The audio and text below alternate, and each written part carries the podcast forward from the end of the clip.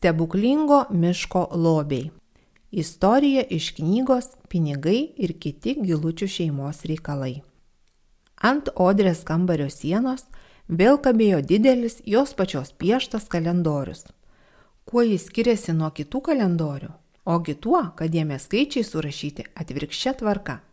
30, 29, 28 ir taip toliau. Vietoj paskutinio skaičiaus nupieštas didelis tortas. Taip Odrė pažymėjo savo gimtadienio datą. Kiekvieną rytą prieš valydamas į dantukus ir keliaudama į mokyklą, jis spalvotais pieštukais nuspalvina langelį ir pasidžiaugia, kad liko viena diena mažiau iki mėgstamiausios metų šventės. Šį rytą spalvindama langelį, ant kurio užrašyta 21, Odrė susimastė. Liko labai mažai laiko, o į šventę kviečiamų draugų sąrašas nesudarytas neparengti ir kvietimai į gimtadienį, nesugalvota šventės vieta, o dar dovanų sąrašas ir ko pasipuošti. Po pamokų ir muzikos mokyklos, kurioje mokosi griežti smūjų, Odrė skubėjo namo. Visą dieną galvoje kūrė sąrašus ir gimtadienio idėjas. Tik žengusi pro duris, nudūmė tiesiai į savo kambarį. Vakare tėčiui sukvietų šeimą prie stalo, busima sukaktuvininkė atėjo su didelė krūva lapų rankose. Ką čia taip svarbiai saugai, kad net valgydama nenori paleisti, pildamas į dubenėlį moliūgus ribos paklausė tėtis. Čia viskas, ko reikės mano gimtadieniui, bandydama surušiuoti byrančius lapus, atsakė Odrė. Po vakarienės visa šeima ištempusi ausis klausėsi apie būsimo šventės planus. Tai buvo pirmi metai, kai Odrė leista viską planuoti pačiai. Iki tol visus aštuonerius jos gyvenimo metus tai darė mama su tėčiu.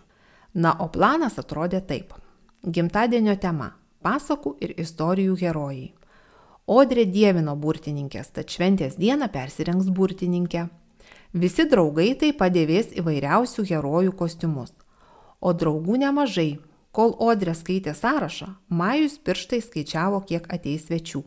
Teko perskaičiuoti kelis kartus, nes tiek Majus, tiek tėtis, padedantis mažajam broliui skaičiuoti, pametė tikslų skaičių Galiausiai suskaičiavo 36 draugus ir 8 giminaičius. Odrė planavo, kad gimtadienio šventės vieta turėtų būti didelis laivas. Geriausia, kad tai būtų piratų laivas, turintis paslėptų turtų žemėlapį. Odrė įsivaizdavo, kad laive gros muikininkai, atkeliaus iliuzionistas, kartą matė tokį per tėtos Violetos gimtadienį. Kaip jis ten atkeliaus ir iškeliaus, niekas nesužinos. Laivas plaukdamas pasieks negyvenamą salą, kurioje visi išsilaipins toliau švęsti gimtadienio ir kartu su piratais ieškoti paslėpto lobio. Na, o gimtadienio pabaigoje laukia tortas. Ir ne vienas. Pabaigoje turėtų prasidėti tortų karas. Odriai pristačius savo planus, visi buvo apstulbę. Majus laikydamas rankoje skarą prašė mamos padaryti jį vienakiu piratu.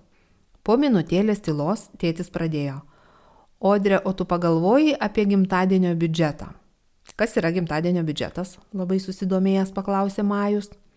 Tai skaičiavimai, kiek pinigų reikia skirti tokiam pasakiškam gimtadieniui suorganizuoti. Ir ar jų tiek turime bei galime išleisti, smalsuoliui atsakė mama. Kiek sutrikusi dėl gauto klausimo, Odrė nesugalvojo, ką pasakyti. Tiesą sakant, ji net nepagalvojo apie jokį biudžetą ar kiek tai gali kainuoti. Gilučių šeimoje yra tradicija, kad vietoj dovanų vaikams Agnė su Benu surengė šventę. Taip Odrė įsivaizdavo ir šį kartą.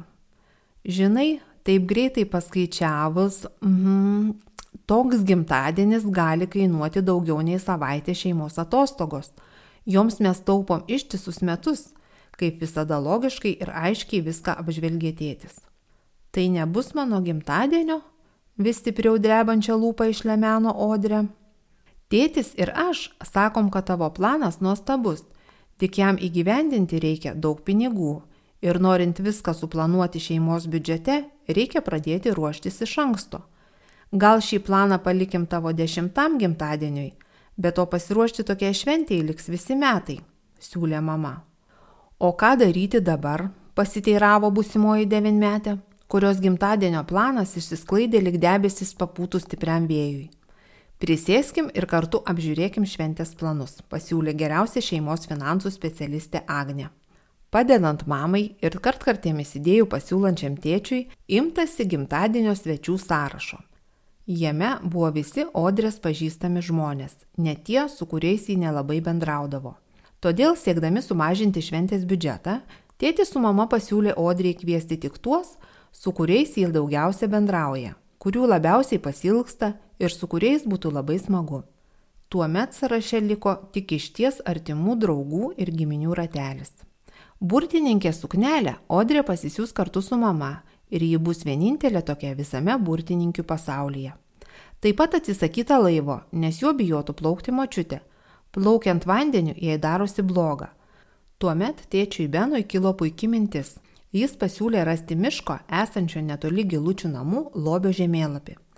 Benas jau žinojo, koks saldus lobis bus paslėptas ir kokias užuominas link lobio jis išdėlios po visą mišką. Taigi gimtadienio vieta tapo aiški ir nereikalavo papildomų išlaidų. Šeima draugė nutarė, kad smūkų visiems svečiams pagrieš pati Odrė. Tai bus pirmas jos koncertas ir jau dabar ji labai jaudinosi. Naujas planas atrodė nuostabiai ir jam nereikėjo naudoti šeimos atostogoms taupomų pinigų. Odrė savo gimtadieniui sugalvojo ir labai smagų šventės pavadinimą - Stebuklingo lobio miškas. Skubėdama link savo kambario ir mąstydama, kokius kvietimus darys draugams, Odrė sulaukė dar vieno klausimo iš tėčio. O ar sugalvojai, ką norėtum gauti dovanų per gimtadienį? Odrė norėjo ir dviračių, ir burtų lasdelės. Norėjo ir paskraidyti oro balionu, dar norėjo telefono. Norų buvo daug, jį galėjo juos vardyti neužsičiaupdama. Bet juk žinai, kad kviečiami svečiai tavo norų nežino, patikslino Benas. Be to, kai kurios tavo trokštamos dovanos labai brangios, papildė tėti mama. Tuomet Odrė suprato, kad gimtadienio organizavimas labai sunkus darbas. Daug lengviau buvo, kai juos organizuodavo tėvai. Sukant galvą, ką daryti su dovanų sąrašu, mama vėl atėjo į pagalbą.